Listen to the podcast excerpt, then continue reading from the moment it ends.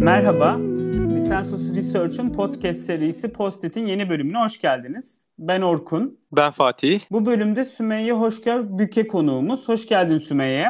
Selam, hoş bulduk. Ee, Sümeyye 2019'da ODTÜ Tarih bölümünde doktorasını tamamladı.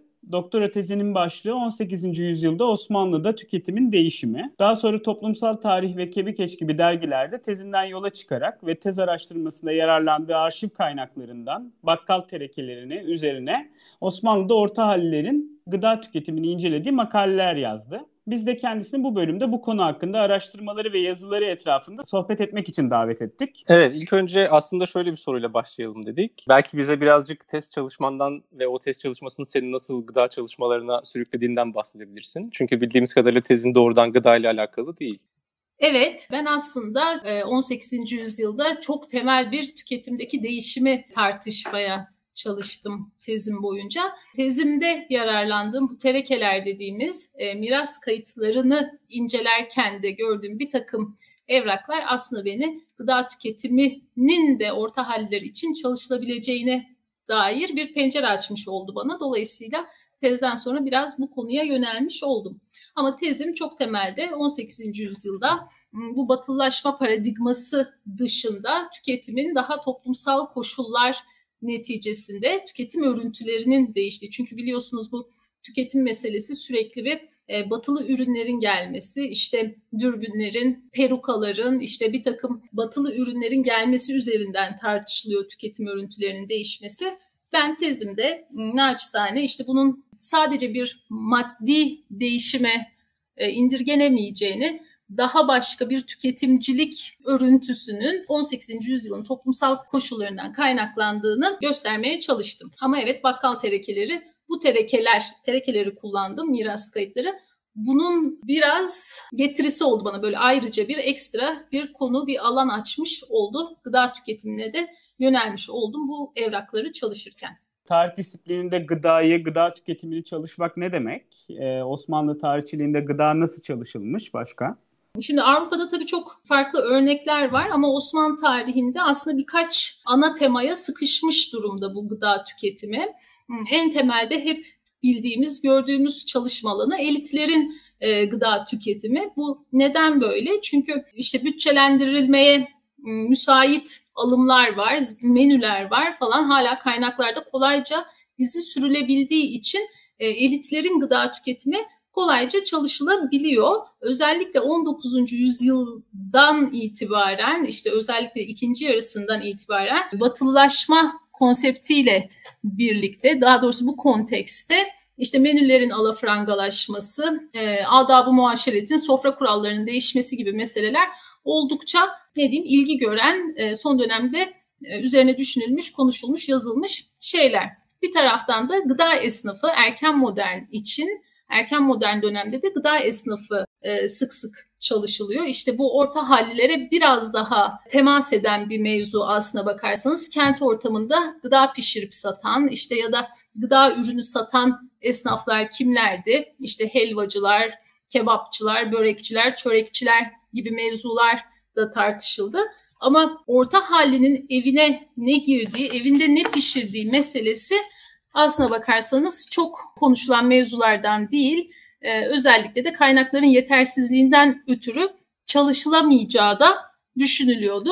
Ben de bakkal terekeleriyle acaba çalışabilir miyiz? O kadar da kategorik olarak reddetmesek mi acaba demiş oldum kendimce.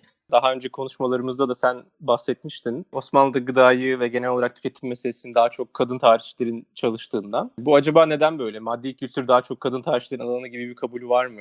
Evet bu böyle kanayan bir yara aslında benim için. Ee, çok temelde Osmanlı tarihi hala e, siyasi tarih ekseninde yürümeye devam ediyor. İşte bir takım savaşlar, bir takım kaleler, askeri meseleler, siyasi meseleler e, çok daha fazla ilgi görüyor. Tülay Artan'ın benim sevdiğim bir röportajında söylediği bir şey var. Ben de kendisine katılıyorum. Aynı e, şeye maruz kaldığımı da düşünüyorum. Böyle ıvır zıvırın tarihini çalışmak gibi görülüyor. Özellikle ne diyelim erkek akademisyenler tarafından ciddiyetsiz mevzular olarak görülüyor bir kesim tarafından. Evet kadınlar daha çok çalışıyor. Belki bugünkü pratiklerinden nihayetinde şöyle bir eğilim olduğunu düşünüyorum genelde. E, insanlar bugün neye ilgi gösteriyorlarsa aslında tarih çalışırken de benzer mevzulara ilgi gösteriyorlar. Dolayısıyla bir şekilde kadınların elinde kalmış görünüyor bu alan. Tabii ki hiç erkek araştırmacı yok değil elbette var ama çok sınırlı sayıda. Bunda işte bir çeşitlilik kadınların kattığı bir çeşitlilik olarak görmek gerekiyor herhalde. Hani araya bir soru eklemek istiyorum. Bu gıda tüketim tarafına daha çok bakıyorsun tezinde. Bunun bir adım gerisinde yani üretimden diyelim veyahut da bu tedarik sistemiyle ilgili ne gibi gözlemlerim var? Yani İstanbul'daki terekelere baktın daha çok, Ankara'da Ankara'dakilere de bakıyorsun.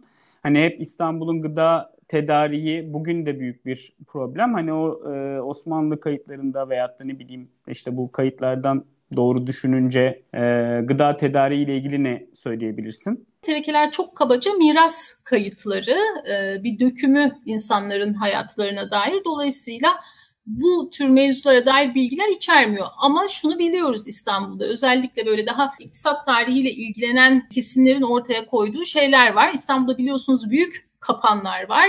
Böyle toptancılıkla ilgilenen büyük tüccarların e, devlet kontrolünde iş yaptığı yerler. Buraya hububatlar işte bugün bildiğimiz un kapanı gibi ya da yağ ve bal kapanlarına da işte peynir, pastırma, yağ, bal gibi ürünler geliyor. Şimdi bu büyük toptancılar bunları daha küçük esnafa dağıtıyorlar. Bakkallar da işte bu büyük kapanlardan e, çok çeşitli ürün satma, bu emtiayı mütenevvi dediğimiz çok çeşitli ürün satma yetkisine sahip bakkallar bu toptancılardan gidip mahallelerinin tüketim e, örüntülerine uygun ürünleri alıp dükkanlarında satıyorlardı. Benim de zaten çıktığım nokta o olacak. Bu büyük kapanlardan ne alıyorlardı? Dükkanlarına ne getiriyorlardı? Dolayısıyla burada bir mahalle üzerinden gıda örüntüsünü takip etmek sanki mümkün olabilir. Çünkü her şeyi getirmiyor. Satış yapabilmesi için mahallelinin tüketimini takip etmesi gerekiyor. Dolayısıyla bu kapanlardan istediği ürünleri alıp dükkanına götürüyordu bakkallar. Miras sicillerinden, terekelerden bahsediyorsun, ahkam defterlerinden bahsediyorsun. Bunlar birazcık açıklayabilir misin? Bunlar nedir, ne tür kayıtlardır? Bunları senin baktığın gibi bakmak ne demektir metodolojik olarak? Biraz bu konudan bahsedebilir miyiz? Ben ilk okuduğumda Sümeyye bu bakkal defterleri terekeleri görünce bugün bildiğimiz bakkal defterleri yani veresiye defteriyle karıştırdım ilk aşamada öyle düşündüm. Herhalde bundan farklı bir şeyden bahsediyoruz değil mi?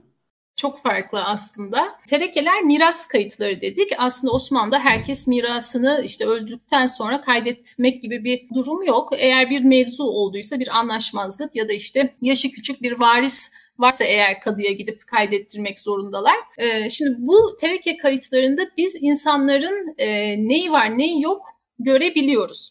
Bazı dezavantajları, bazı limitleri olduğunu kabul etmekle birlikte kişilerin işte donundan, çorabından, gömleğinden, e, fincanından, tenceresine kadar e, ne kadar gündelik hayatında kullandığı ürün varsa bunları görebiliyoruz. Şayet ölen kişi esnaftan biri ise eğer evinin haricinde dükkanında olan eşyalarda aslında kayıt altına alınıyordu. Bakkalların da ürünleri dayanıklı ürünler olduğu için bu çok önemli. Çünkü kasap gibi, fırın gibi esnafın e, dükkanlarındaki ürünlerinin kaydına ulaşamıyoruz. Bakkalların ki uzun ömürlüydü, dayanıklı ürünlerdi. O yüzden e, erişebiliyoruz. Böylece bu tereke kayıtları, miras kayıtlarında dükkanlarında ne olduğunu görebildiğimiz için bakkalları biraz reconstruct edebiliyoruz. Ne vardı, ne yoktu bu bakkalda e, bunu görebiliyoruz. Şimdi terekeler aslında tarihçiler tarafından eleştirilen kaynaklardan bir tanesi. Çünkü az önce dediğim gibi işte herkes kaydettirmek zorunda değildi. Dolayısıyla bir temsiliyet problemi ortaya çıkıyor. Bir de şöyle bir durum var. Her ürünü de kaydettirmek durumunda değil aslında varisler. İşte bir takım ürünlerde anlaştıktan sonra anlaşmazlık yaşadıkları ürünleri kaydettirmiş olabilirler. Dolayısıyla biraz parçalı da olsa bize bilgiler veriyor. Biraz parçalı bir bilgi veriyor. Oraları da biraz fazla veriye bakarak boşlukları doldurmak aslında e, mümkün. Ben de öyle bir yol izliyorum. Ee, ikinci bir e, kaynaktan daha bahsediyorsun. Bir de ahkam defterleri var galiba. Onlar nedir? Ahkam defterleri de bu e, toplumsal tarihte yazdığım yazıda aslında kullandım. Şimdi ahkam defterleri terekelerden tamamen farklı şikayet defterleri aslında bunlar. Eğer esnaf arasında çözümlenememiş bir mesele varsa şayet işte bu divana taşınıyordu ve divanda bir karar veriliyordu. Dolayısıyla burada şikayetleri görebiliyoruz. Bakkallar yapmaması gereken bir şey yaptılarsa işte satmaması gereken bir ürün sattıysa ve başka bir esnaf grubunu e, zarara uğrattıysa ve bu bir çözümlenememiş bir mesele olarak kendi aralarında çözemedikleri bir mesele olarak ortaya çıktıysa bu divana gidiyor. Divanda buna bir karar veriliyor. Yapsınlar, yapabilirler, yapamazlar, bu işi bıraksınlar falan gibi. Dolayısıyla ahkamlar böyle bir şey. Terekelerden dükkanlarında ne olduğunu görebiliyorum. Ahkamlardan da e, yapmamaları gereken ne işlere bulaştı bu bakkallar aslında onları görebiliyorum. Birazdan herhalde bahsederiz. Bakkallar ayakkabı diken, işte meyhane işleten falan bir ekip aslında. Bu yazılarında geçen belgeleme ağı diye bahsettiğin şey bütün bu belgeleri mi içeriyor peki? Yoksa bu belgeleme ağından kastettiğin temel olarak bize anlattığın bu belgeler midir? Yoksa başka bir boyutu da var mı? Şimdi orta halliler bu belgeleme ağının biraz dışında görülüyor tüketim, e, gıda tüketimi açısından. Belgeleme ağı nedir?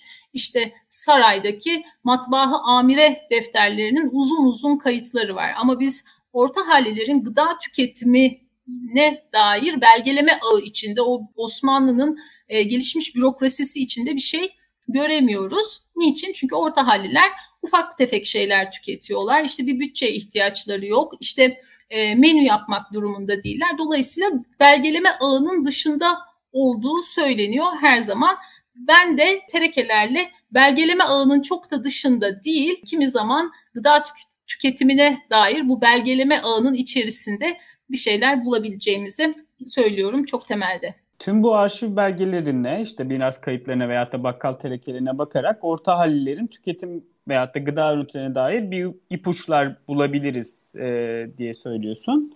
E, peki bu orta halliliği biraz daha açman mümkün mü? Yani biliyorsun sosyal bilimlerde bu orta hallilik, orta direk, orta sınıflar falan çokça birbirlerinin yerine kullanılan kavramlar ve bazen de kullananın aldığı eleştiriler sonucunda da pişman olduğu kavramlar. Senin bu orta hallilik kavramsallaştırmanı biraz daha deşe, deşelim mi bu noktada? Deşelim. E, bu hakikaten deşmeye muhtaç bir mevzu. Şimdi e, Osmanlı'da elit çalışanın asla böyle bir tanım yapmaya ihtiyacı yok. Osmanlı'da köylü çalışanın da e, böyle bir tanım yapmaya ihtiyacı yok ama orta halli çalışan bu meseleyle sürekli yüzleşiyor.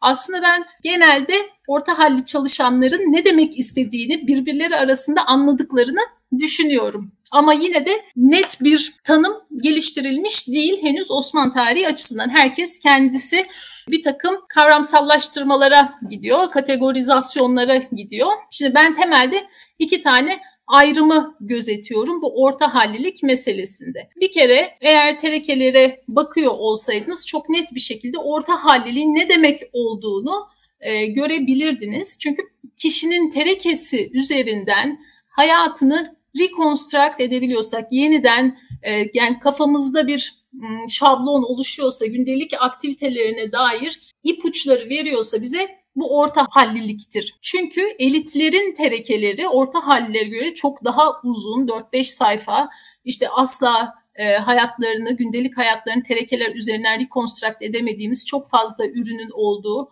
muhtemelen çok fazla hediyeye maruz kaldıkları, kendi zevklerini, kendi günlük aktivitelerini yansıtmayan terekelerle karşılaşıyoruz. Dolayısıyla orta hallilik bir bakıma günlük aktivitelerin terekeler üzerinden tanımlayabildiğimiz insanlar olarak kafamda beliriyor. Diğer bir yöntem ise şimdi bakkal terekeleri ne çalışırken tabii ki bu kadar çok veri yoktu elimde ama doktora tezimi yürütürken işte 2000'ni biraz aşkın herhalde tereke kullanmıştım. Bir de matematiksel bir yöntem e, kullanmak mümkün. Şimdi bu miraslardaki meblağ son e, her şeyin işte fiyatı belirlendikten sonra kişinin mirası olarak gözüken meblağ üzerinden bir sıralama yapmak mümkün. Böyle yığılmanın olduğu yeri aslında SPSS üzerinden falan görebiliyorsunuz. Dolayısıyla üst sınırları atıp işte bir de çok fakirler oluyor elbette ki bekar odalarında ölenler birkaç parça birkaç parça eşyayla ölenler falan onları da çıkardığınız zaman böyle daha matematiksel bir şeye indirgemek de mümkün.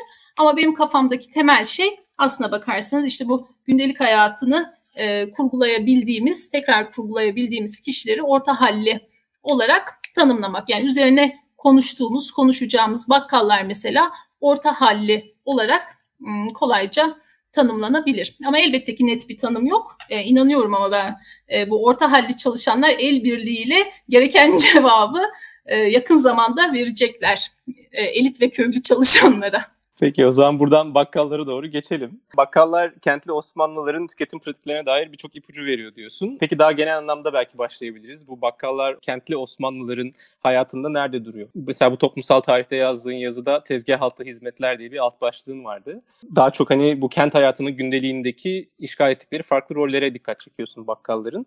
Yani bakkal terekeleri üzerinden kentli, orta halli Osmanlıların tüketim örüntüsüne dair neler görmek mümkün?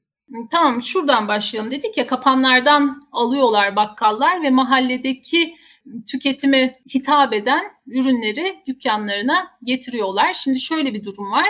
Ee, İstanbul'da e, neredeyse her mahalleye bir tane bakkal, e, Ankara'da ise e, iki mahalleye bir bakkal düşüyor gibi. Şimdi Osmanlı'da biliyorsunuz çok temelde esnaflar genelde bir arada işte aynı işi yapan esnaflar e, tek bir sükta, çarşıda toplanıyorlardı. Ama bakkallar böyle değil. Bakkallar kente yayılmış, fırınlar gibi, kasaplar gibi kente yayılmış, yaygın bir örgütlenmesi olan bir esnaf grubu. Şimdi bu bakkalların bir kere gıda örüntülerini bir şekilde takip etmeleri gerekiyor ki kendileri satışlarını artırabilsinler, dükkanlarını döndürebilsinler. Dolayısıyla mahallelinin isteklerine göre, tüketim örüntülerine göre şimdi her tüketim çalışanın yapmaya çalıştığı şey aslında haneye bir miktar girebilmek. Ee, şimdi haneye girmek çok mümkün değil gıda meselesinde ee, ancak bir miktar yakınlaştırdığını en azından mahalle ölçeğini indirgediğini çünkü gıda esnafı ve kapan çok fazla kent ölçeğinde ve bizim orta halinin ne tükettiğini yine de anlamamıza müsaade etmeyen, kente gelen e, gıda ürünlerinden kimin neyi ne kadar tükettiğini tahmin etmek çok güç. Ama bakkallar biraz daha küçük ölçekte bize ipuçları veriyor gıda tüketimi anlamında. Diğer taraftan da e, şey var tabii bu tezgah altı e, dediğimiz işler var. Az önce bahsettik. Bunlar sadece e, mercimek, pirinç, bulgur satmıyorlar bir taraftan e, tüketim takip ediyorlar dedik ya mesela gayrimüslim yoğun bir yerde yaşayan e, ya da dükkanı olan bakkalların bu gayrimüslimlerin hayvansal gıdadan kaçındıkları dönemler boyunca işte ıspanak gibi, pilav gibi, bakla gibi gıdaları hazırlayıp pişirip sattıklarını biliyoruz. Kimi zaman meyhane açıp işlettiklerini biliyoruz. Bunlar bakkalların tezgah altı işleri arasında. Bir taraftan da ayakkabı dikmek gibi, işte yağ tulumlarından çarık dikmek gibi işlerle de iştigal ettiklerini görüyoruz. Dolayısıyla bakkallar aslında hem gıda sağlıyorlar mahalle ölçeğinde hem ufak tefek işlere bakıyorlar hem de gıda dışı, dışı ürünleri de satıyorlar. İşte bal mumu gibi, katran gibi, tütün gibi e, bir takım ürünleri de sattıklarını görüyoruz. Dolayısıyla mahallelinin temel tedarik mekanizmasının bakkallar olduğunu e, düşünebiliriz. Elbette ki e, kentlerde büyük çarşılar var. Buralardan da e, orta hallilerin alışveriş yaptığını inkar etmemek gerekiyor.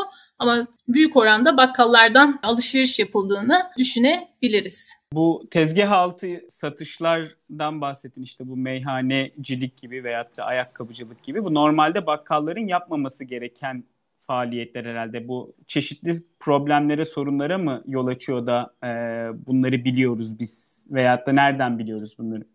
Aynen az önce bahsettik ya ahkam defterleri, şikayet defterleri aslında bizim bu tür bakkalların yapmaması gereken başka esnafları zarara uğrattığı meselelerin izni sürmemizi sağlıyor. İşte dikiciler esnafı mesela bakkalların bu eylemlerinden huzursuz olduğu için kendi karlarını na ortak olduklarını düşündükleri için gidip bunu divana şikayet etme durumuna düşüyorlar, şikayet ediyorlar.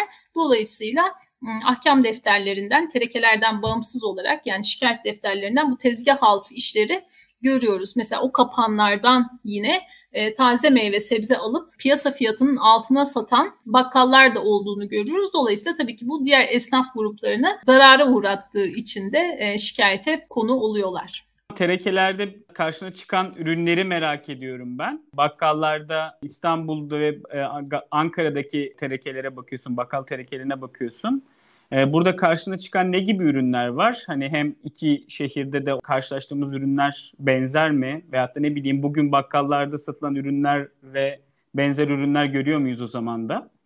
E, İstanbul-Ankara karşılaştırmasından başlayayım. Aslında benzer ürünleri bir miktar görüyoruz. İşte çok temel gıda maddeleri işte yağ. Yani yağ diyorum ama mesela zeytinyağı ve sade yağ iki e, kentte de ortak yağlardanken e, susam yağı Ankara'da biraz daha yoğun tüketiliyor gibi bir tablo çıkıyor ortaya. Çünkü Ankara'daki hemen hemen her bakkalda susam yağı da bulabilmek mümkün. Diğer taraftan peynir çeşitleri çok çeşitleniyor. E, İstanbul tabii ki yerşesi çok önemsenen bir sürü kanaldan beslenen bir yer. Dolayısıyla İstanbul'daki peynir çeşitleri zaten saymakla bitmez ama bakkallarda yoğun olarak kaşkaval ve tulum peynirlerini görüyoruz. Ancak Ankara'da mesela böyle bir örüntü yok. Ankara çok daha kendi art alanından beslenen işte Ayaş bölgesinde yapılan sünme peynir, olma peynir, basma peynir gibi daha basit peynir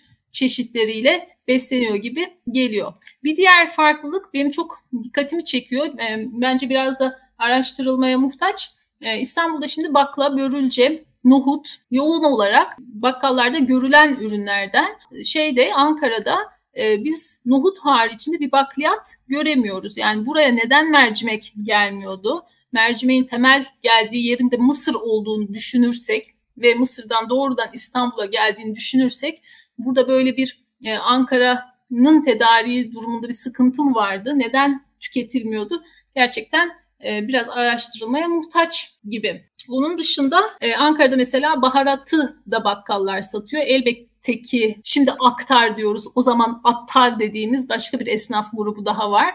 E, bunların da sattığını düşünmek mümkün İstanbul'da. Ama Ankara'da da attar esnafı olduğunu biliyoruz. Ama buna rağmen kimyon gibi, sumak gibi, e, zaman zaman safran gibi baharatların Ankara bakkallarında satıldığını e, görmek mümkün. E, bunun dışında bir de pastırma meselesi dikkat çekici. İstanbul'da çok fazla bir pastırma satan esnafla, bakkal esnafıyla karşılaşmıyorum ama Ankara'da hemen hemen her bakkalda pastırmanın satıldığını görmek mümkün. Şimdi buradan yola çıkarak terekeler bize her şeyi göstermiyor elbette ki. Şimdi bakkallarda pastırma olduğunu görüyorum. E, terekeler biraz desteklenmeye, başka evraklarla desteklenmeye muhtaç kaynaklar.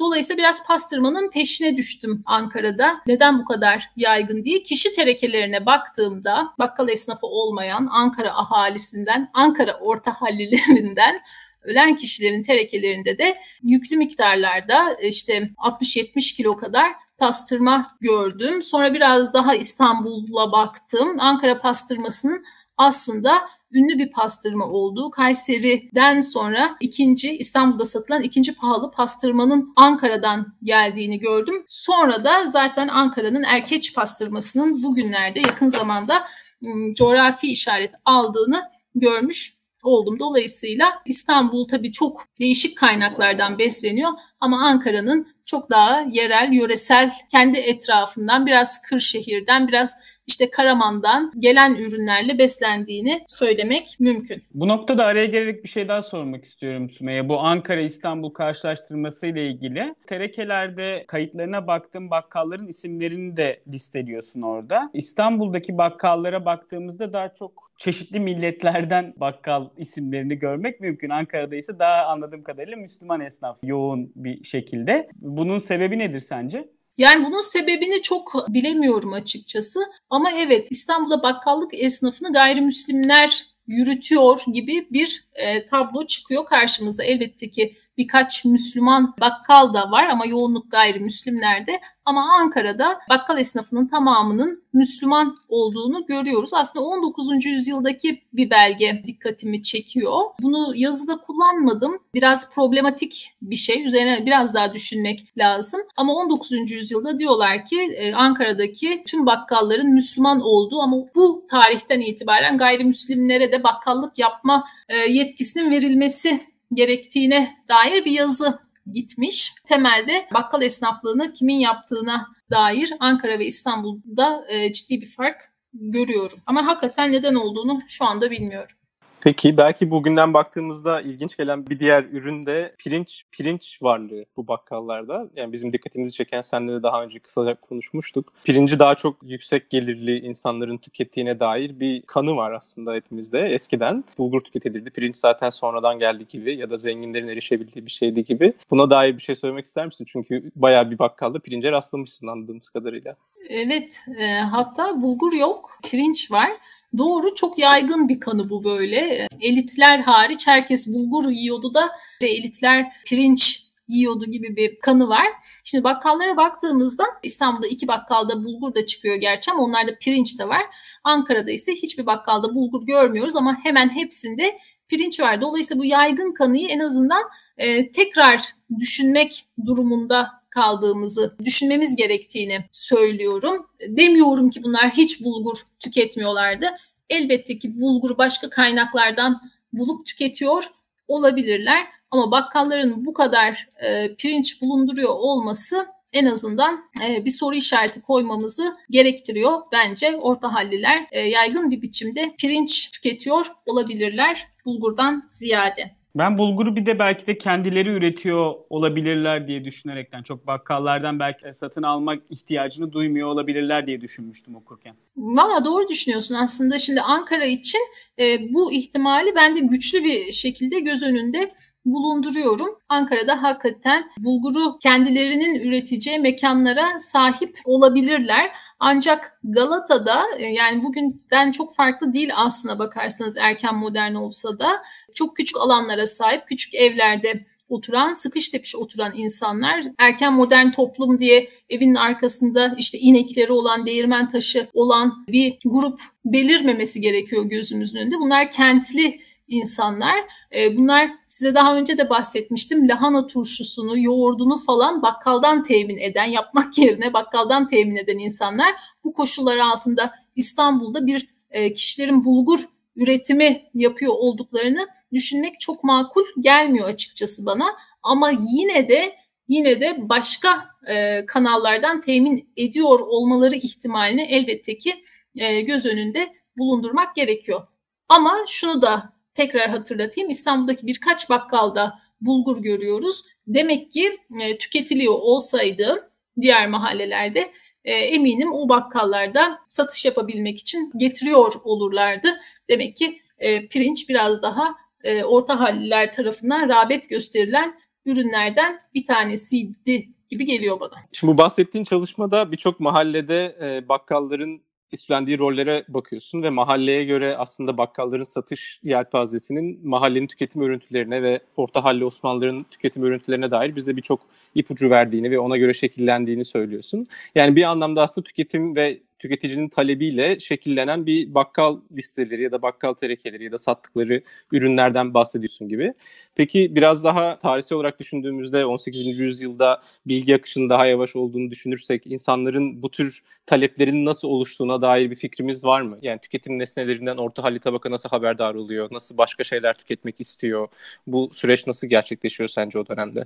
gıda tüketimi meselesi ile tüketimin daha genel çerçevesi aslında ayrışıyor. Ee, şimdi gıda için bir şey söylemek çok zor. Gıdayı ne göre yani bir saray işte orta halli ona özenip imitasyon gibi bir sistem sanki yok gibi ama daha genel tüketim mevzusunda 18. E, yüzyıl çok kritik bir noktada duruyor. Doğru. E, bugünkü imkanlara sahip değiller 18. E, yüzyılda Osmanlı'da işte İngiltere'de falan aslında biraz daha oranın bakkallarının işte şeker gelmiştir, kahve gelmiştir falan gibi lüks tüketime vurgu yapan afişleri var ama Osmanlı'da yok. Ama genel tüketim açısından Osmanlı'da konuşacak olursak 18. yüzyılda Osmanlı İmparatorluğu işte askeri ve politik meşruiyetini kaybetmiş durumda. Dolayısıyla yeni kanallar arıyor kendisi de. Biraz da gösterişçi tüketime yöneliyor bu dönemde. Ne oluyor? İşte tarihi yarımada dediğimiz yerden çıkıp Boğaziçi sahil şeridine doğru kayıyor. Hem sultanlar hem kadın sultanlar, saray erkanı, elitler Boğaziçi sahil şeridinde e, büyük sahil sarayları yaptırmaya başlıyorlar ve halkın da bunu görerek işte hem Osmanlı'nın hala gücünün yerinde olmasını umut ediyorlar ama halk tabi sadece böyle bir etkilenmeyle kalmıyor. Aynı zamanda tüketim örüntülerinde de bir takım değişikliklere gidiyor. İyi kumaşların kullanılması mevzusu gibi şimdi gösterişçi tüketim artık biraz toplumun gözüne soka soka e, lüks tüketimi yapıyor olmak. Mesela bu dönemde ihtisap kanunnamelerinde belirlenmiş bazı e, kumaş tiplerinin e, kanunnamelerdeki haliyle değil daha az ip kullanılarak üretildiğini ama bir şekilde merkezin buna karşı koymadığını, bir ceza vermediğini, böyle üretilmesinin halka biraz daha fazla kumaş sağlamak için çünkü tüketimci bir dönemden bahsediyoruz bana kalırsa benim tezime göre 18. yüzyılın ilk yarısı e, ciddi bir dışa açılma işte aynen sarayın dışa, dışa açılması gibi hmm, halkın da kahvehaneler yoluyla yeni e, parklar, mesireler, işte çeşmeler, meydanlar yoluyla dışarı açıldığı bir dönem. Dolayısıyla tüketimin e, yoğunlaştığı bir dönem. Gıda için değil toparlamak gerekirse ama daha genel giyim gibi kahve eşyaları, ibrikler, fincanlar gibi ürünlerde e, sarayın taklit edildiğini görmek mümkün ama gıda için bunu pek e, en azından bakkal terekeleriyle söylemek e, mümkün değil taklit etme, e, oradaki ürünlere benzer ürünleri tüketmek isteme gibi bir durum olduğundan bahsediyorsun. Bunları görebildikleri yani o sarayın ne tükettiğini veyahut da sarayın demeyelim sadece elitlerin ne tükettiğini nerede görüyor orta halliler de onları tüketmeye özeniyor. E, bu parklar, bahçeler dediğimiz e, mekanlar aslında ve kahvehaneler tabii ki hiyerarşik yapıların biraz ortadan kalktığı, herkesin bir arada olduğu dönemler, daha erken dönemlerde çok ciddi bir mekansal ayrım varken 18. yüzyılın ilk yarısında özellikle bu mekansal ayrımın e, ortadan kalktığını görüyoruz. Dolayısıyla şahit olmaya başlıyorlar. E, evlere girip çıkma da çok artıyor tabii. Tabii bu toplum daha kendi arasında. Ama elitlerle karşılaştıkları noktalar işte bu Gülhane Parkı'nın halka açılması gibi yeni meydanlar ya da kahvehaneler. Özellikle de kahvehanelerin artık bağımsızlığını ilan etmesi. Biliyorsunuz Osmanlı'da çok ciddi bir mevzu açılıp kapanıyor kahvehaneler uzun süre boyunca ama 18. yüzyılda artık tamamen açıklar.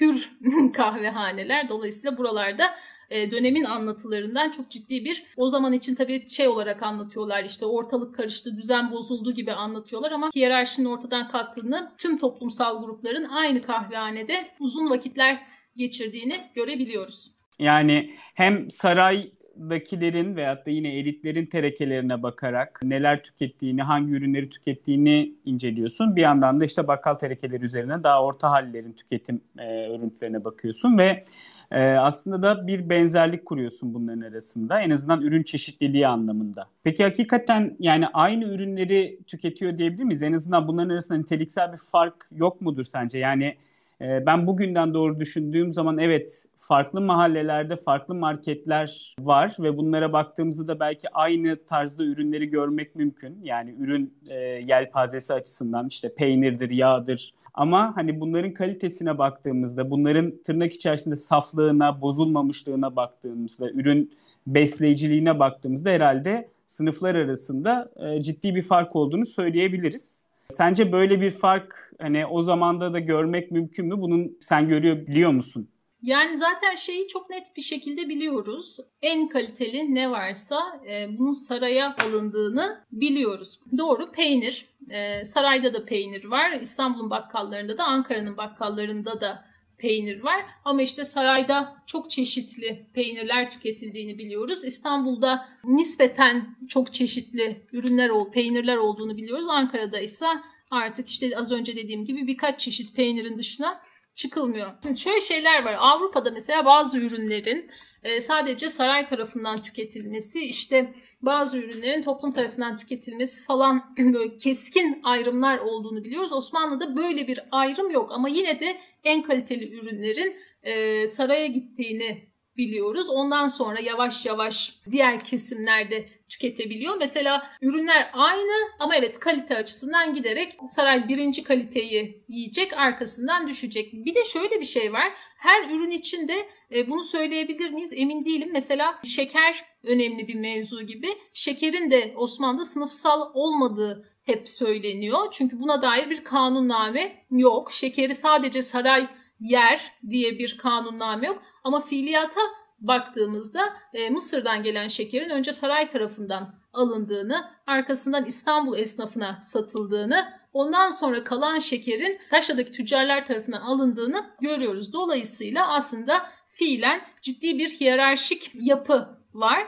Bu arada sadece ürün yelpazesinin benzemesi değil, kimin neyi ne kadar tükettiği de ciddi bir mevzu gibi görünüyor. Ankara'da bir orta halinin şeker tüketimiyle İstanbul'dakinin ya da saraydakinin şeker tüketimi ya da buna bağlı ürünler, reçel gibi, marmelat gibi, belki helva gibi ürünlerin tüketiminin farklılaştığını düşünebiliriz. Dolayısıyla sadece ürün yelpazesinin aynı olması yetmiyor. Biraz da tüketim çalışmalarında kimin neyi ne sıklıkta tükettiği, ne miktarda tükettiği de önemli bir mevzu gibi görünüyor.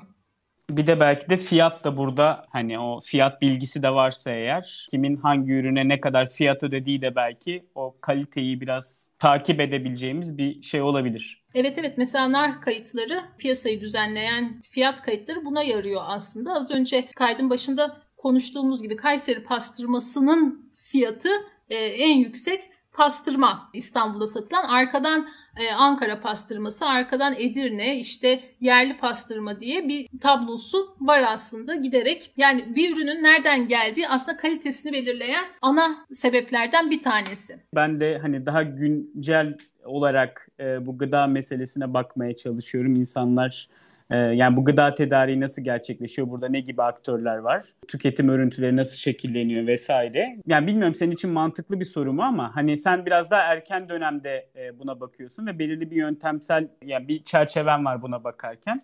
Daha yakın dönemde böyle bir soruyu sor, sormak mümkün mü? Yani işte 1950'lerde veyahut da aynı şekilde bugün benzer bir soruyu sorduğumuzda nelere bakmak gerekir veyahut da nasıl bir yöntem kullanmak gerekir? Çalışırken bu gibi sorular da aklına geliyor muydu aslında? Ee, yani şimdi şöyle bir durum var.